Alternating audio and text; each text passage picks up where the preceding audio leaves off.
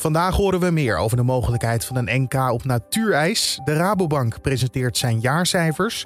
En vandaag gaat in Duitsland de parlementaire commissie verder, die onderzoek doet naar de ineenstorting van Wirecard. Het Duitse betalingsbedrijf stortte in toen bleek dat er bijna 2 miljard euro op de balans kwijt was en mogelijk nooit had bestaan. Het is een van de grootste fraudezaken in de moderne Duitse geschiedenis. En is dit dan een grote smet op het degelijke Duitsland? Ja, dat is toch wel een, eh, een flinke smet. Niet in de laatste plaats omdat er ook wat verdachtmakingen zijn richting het uh, politieke kader die het allemaal afgedekt zou uh, hebben. Hoogleraar accountancy Marcel Pfeiffer weet alles over de zaak en we praten dan straks ook met hem verder erover. Maar eerst kijken we kort naar het belangrijkste nieuws van nu. Mijn naam is Carne van der Brink. Een hele goede dag en het is vandaag vrijdag 5 februari. Demissionair premier Mark Rutte wil niet samen met Forum voor Democratie in een nieuw kabinet zitten. De aanleiding hiervoor zijn de uitgelekte WhatsApp-berichten waarin de top van de partij racistische uitspraken doet. Dat zei de VVD-leider in een televisieprogramma op 1. Ik zag het eigenlijk al niet gebeuren, maar na deze verschrikkelijke appjes, die passen overigens wel in een beeld wat we al langer bij hem zien is het landelijk echt onmogelijk geworden om met hem in een kabinet te gaan zitten. De premier reageerde op de berichten uit WhatsApp-groepen van Forum, waarover Weekblad Elsevier eerder deze week schreef. Partijleider Thierry Baudet zou ook meerdere opmerkelijke appjes hebben gestuurd. En volgens Rutte zijn deze appjes racistisch. Deze appjes die gaan alle grenzen over. Uh, alle grenzen over. Het is zo walgelijk, uh, homofoob, racistisch. het is echt verschrikkelijk. De explosieve opruimingsdienst Defensie ontving vorig jaar flink meer meldingen over explosieven. Het aantal meldingen steeg doordat mensen tijdens de coronacrisis meer op pad gingen met metaaldectoren. Ze troffen voornamelijk veel geïmproviseerde bommen aan, die deels uit vuurwerk bestaan. De opruimingsdienst rukte vorig jaar wel veel minder vaak uit voor plofkraken. De voornaamste oorzaak hiervoor zijn de maatregelen die banken hebben genomen, waaronder de nachtelijke sluiting van geldautomaten en het verwijderen van automaten op riskante plekken. De Nederlandse veiligheidsdiensten willen meer budget en beter samenwerken met bedrijven vanwege digitale spionage uit China en Rusland. Dat vormt een directe bedreiging voor de Nederlandse economie. Dat zeggen de diensten vandaag in het Financieel Dagblad. De veiligheidsdiensten zeggen dagelijks hackers uit Rusland en China te betrappen bij inbraken op computers van bedrijven en universiteiten. Ook wordt regelmatig geprobeerd om drinkwatervoorzieningen, banken en telecom- en energienetwerken aan te vallen. En volgens de directeur van de AIVD is er een nieuwe wapenwetloop gaande. En daar moeten we niet naïef over zijn. Ajax heeft zich gisteravond ten koste van PSV geplaatst voor de halve finale van de KNVB-beker. Recordaankoop Sebastian Haller maakte met twee doelpunten het verschil in de Johan Cruijff Arena. Het werd uiteindelijk 2-1. Gedreuzeld bij Rosario. 4 tegen 3 als Ajax tempo blijft maken.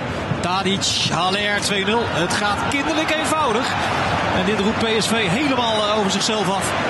Dit verwacht je eigenlijk niet van deze kwartfinale, dat het zo eenzijdig verloopt tot nu toe. Ajax voegt zich bij Vitesse, dat dinsdag de halve finale haalde door met 0-1 te winnen bij Excelsior. De kwartfinales NSC VVV en SC Heerenveen Feyenoord werden afgelast wegens het winterweer en worden volgende week woensdag ingehaald. We hebben het deze ochtend over Wirecard. Mocht die naam je niet zeggen, denk dan even aan iGen of Molly. Namen die je soms bij je rekeningsafschriften ziet. Wirecard regelde die online betalingen in Duitsland. Het leek fantastisch te gaan met het financiële techbedrijf tot de zomer van vorig jaar. Wat bleek, zo'n 2 miljard euro was kwijt. Het stond niet meer op de balans en had naar alle waarschijnlijkheid niet eens bestaan. Gevolg: het kaarthuis stortte in elkaar en dit is een van de grootste fraudeschandalen in de moderne Duitse geschiedenis. Meerdere oud-bestuurders worden verdacht van witwassen, vervalsing en fraude. En een topman is zelfs nog altijd voortvluchtig. Ik praat erover verder met hoogleraar accountancy Marcel Vijver van de Nijenrode Business Universiteit en de Universiteit Leiden. Want hoe is dit schandaal aan het licht gekomen? Ja, de zaak Wirecard is uh, eigenlijk uh, pas echt gaan lopen toen de Financial Times er, uh, erop is gedoken en een reeks van artikelen publiceerde. Dat hebben ze al een aantal jaren achterheen gedaan, omdat ze erachter waren gekomen dat er toch wel wat dingen aan de hand waren bij Wirecard die niet klopten. Kort gezegd, de cijfers die ze presenteerden, die leken te mooi om waar te zijn. En zoals wel vaker gaat in zaken waar fraude aan de hand is is. Dat blijkt dan achteraf ook het geval te zijn. Het is gewoon niet waar hoe de cijfers eruit zien. En dat speelde zich ook af in deze kwestie. Onderzoeksjournalistiek en dus niet door een oplettende toezichthouder of een oplettende accountant. Maar het zijn de journalisten geweest die deze zaak echt aan het rollen hebben gebracht. Ja, want er zou 2 miljard euro op de balans staan.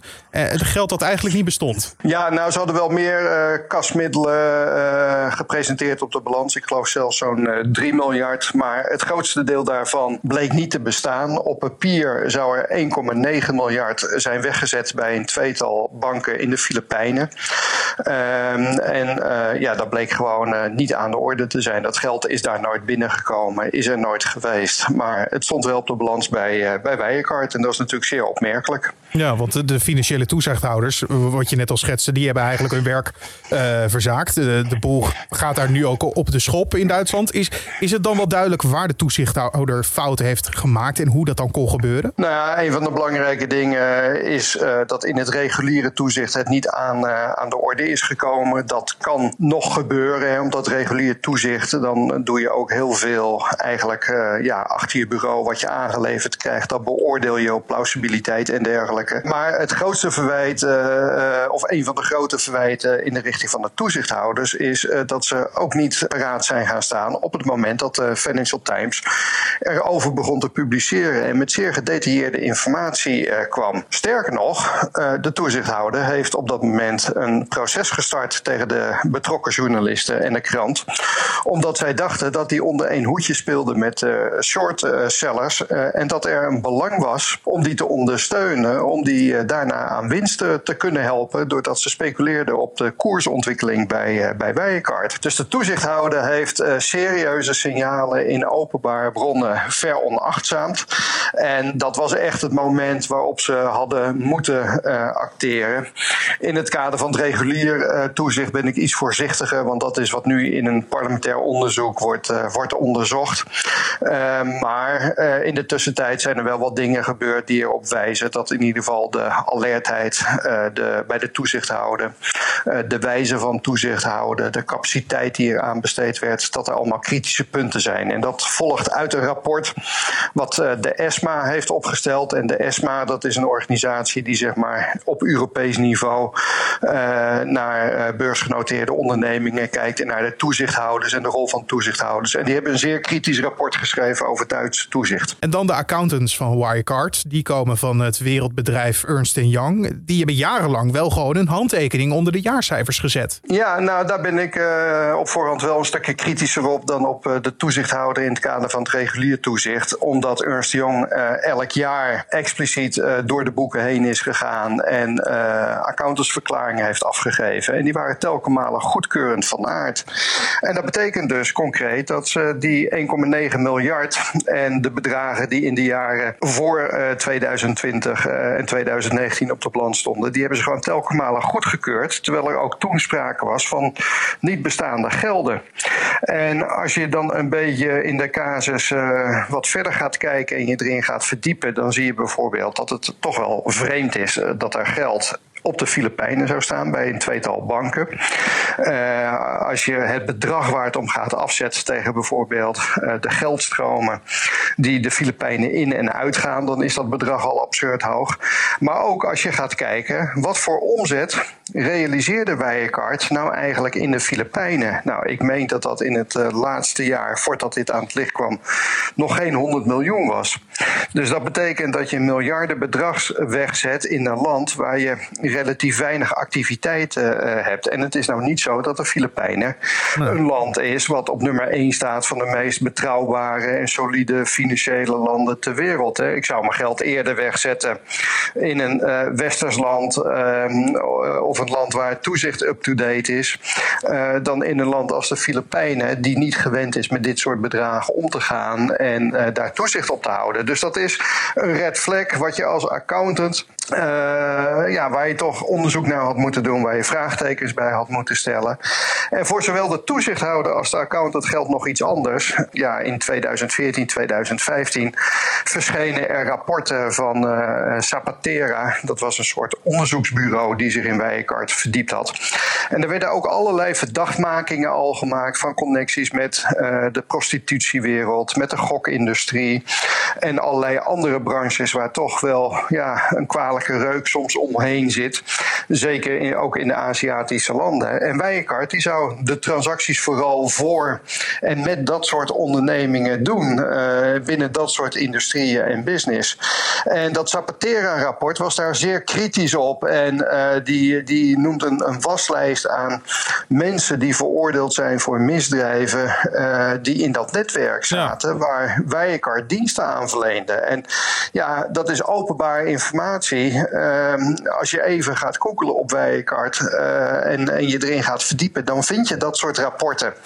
En dat roept natuurlijk de vraag op: waarom vindt een journalist dat wel? En vindt een toezichthouder en een accountant, wiens taak het is om op dit soort ondernemingen toezicht te houden, vinden dat niet. Nee. En dat is ook de zaak waar de parlementariërs in Duitsland zich over buigen, eh, waar de journalisten kritisch op zijn en waar wij ook kritisch op mogen zijn. Ja, want hoe groot is de, de, de smet van deze hele ja, bizarre zaak dan op Duitsland? Nou, heel groot. Uh, Duitsland staat uh, bekend onze degelijkheid, grondlichtheid. Uh, de suggestie is altijd dat alles goed en netjes geregeld is.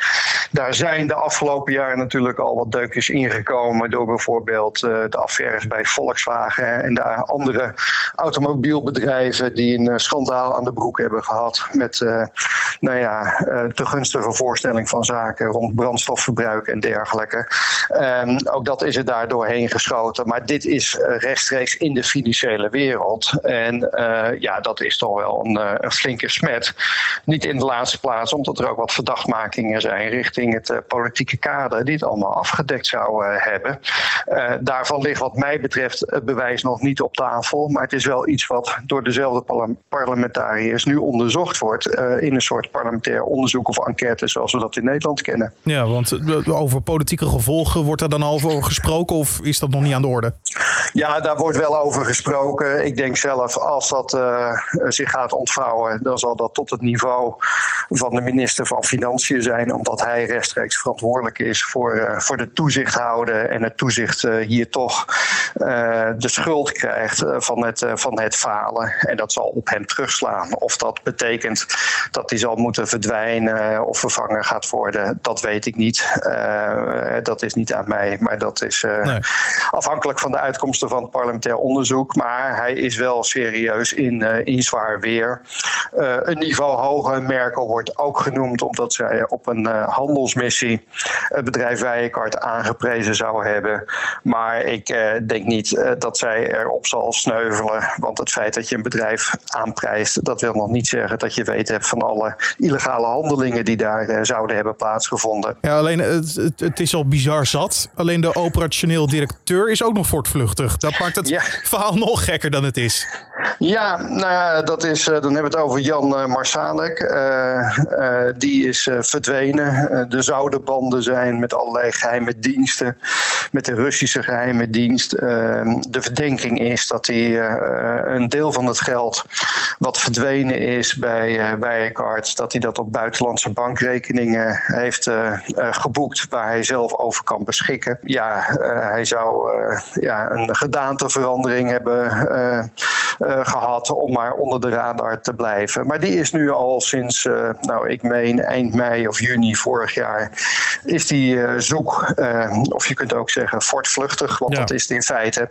Hij weet ongetwijfeld dat hij gezocht wordt. Hij weet ongetwijfeld dat het bedrijf failliet is gegaan. Hij weet ongetwijfeld dat hij verdacht is in een strafrechtelijk onderzoek. Ja, die zit gewoon ergens ondergedoken. Ja. En uh, ja. Ja, want hoe groot is de kans dat, dat zo'n schandaal dan in Nederland nog zou plaatsvinden? Vinden? Nou, Nederland heeft zijn eigen schandalen gehad. En ze zijn nooit helemaal uit de bannen. En ze zullen ongetwijfeld ook nog wel een keer komen. in het verleden bijvoorbeeld het bouwfraude-schandaal gehad. waar kartels gevormd werden. We hebben de Ahold-affaire gehad. We hebben meer recent gezien dat bijvoorbeeld bij ING en ABN mhm. de witwasbestrijding niet op orde is. En dat zijn ook zaken waar aspecten in zitten die we ook in, in Zien. Maar Wijenkart, daar komt eigenlijk alles in uh, samen, lijkt het, uh, lijkt het nu. ik denk dat het Nederlands toezicht meer solide is dan in, in, in Duitsland. Maar als het bijvoorbeeld gaat om, om de rol van de accountant, ja, ook in Nederland liggen die zo nu en dan onder vuur en hebben we missers gezien. in die zin is accountantscontrole en, en toezicht vanuit de overheid geen garantie dat er, dat er niet iets zou kunnen gebeuren. Dus uh, ja, zoiets als in Duitsland is in potentie hier ook mogelijk. Uh, maar ik denk uh, dat wij een robuuster toezichtstelsel hebben uh, dan daar. Dat was hoogleraar accountancy Marcel Pfeiffer. En dan de verdere nieuwsagenda van vandaag. Het ministerie van Volksgezondheid, Welzijn en Sport geeft vandaag duidelijkheid over een mogelijk NK op natuurijs nadat schaatsbond KNSB daartoe een verzoek indiende. De KNSB heeft een plan opgesteld voor een veilig evenement met inachtneming van de coronaregels. Het laatste NK op natuurijs was ruim acht jaar geleden en die werd verreden op het Veluweermeer.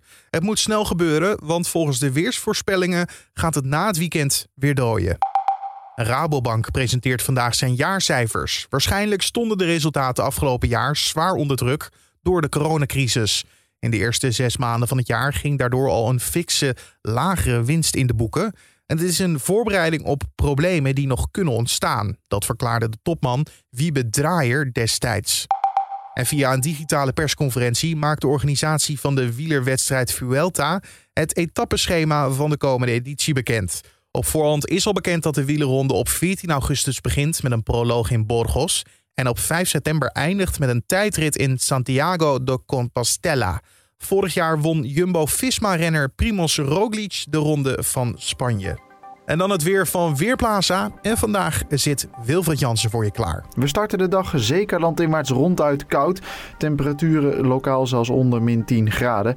In de loop van de dag loopt de temperatuur op. In het zuiden tot rond het vriespunt. En op veel andere plaatsen blijft het kwik ruim onder nul steken. De zon schijnt geregeld, maar er zijn ook wel wat wolkenvelden. En heel misschien dat op de Waddeneilanden nog een enkel sneeuwbuitje valt. De wind waait meestal zwak tot matig uit het oosten. En zorgt zeker in open gebieden voor dat het toch wat kouder aanvoelt dan het daadwerkelijk is.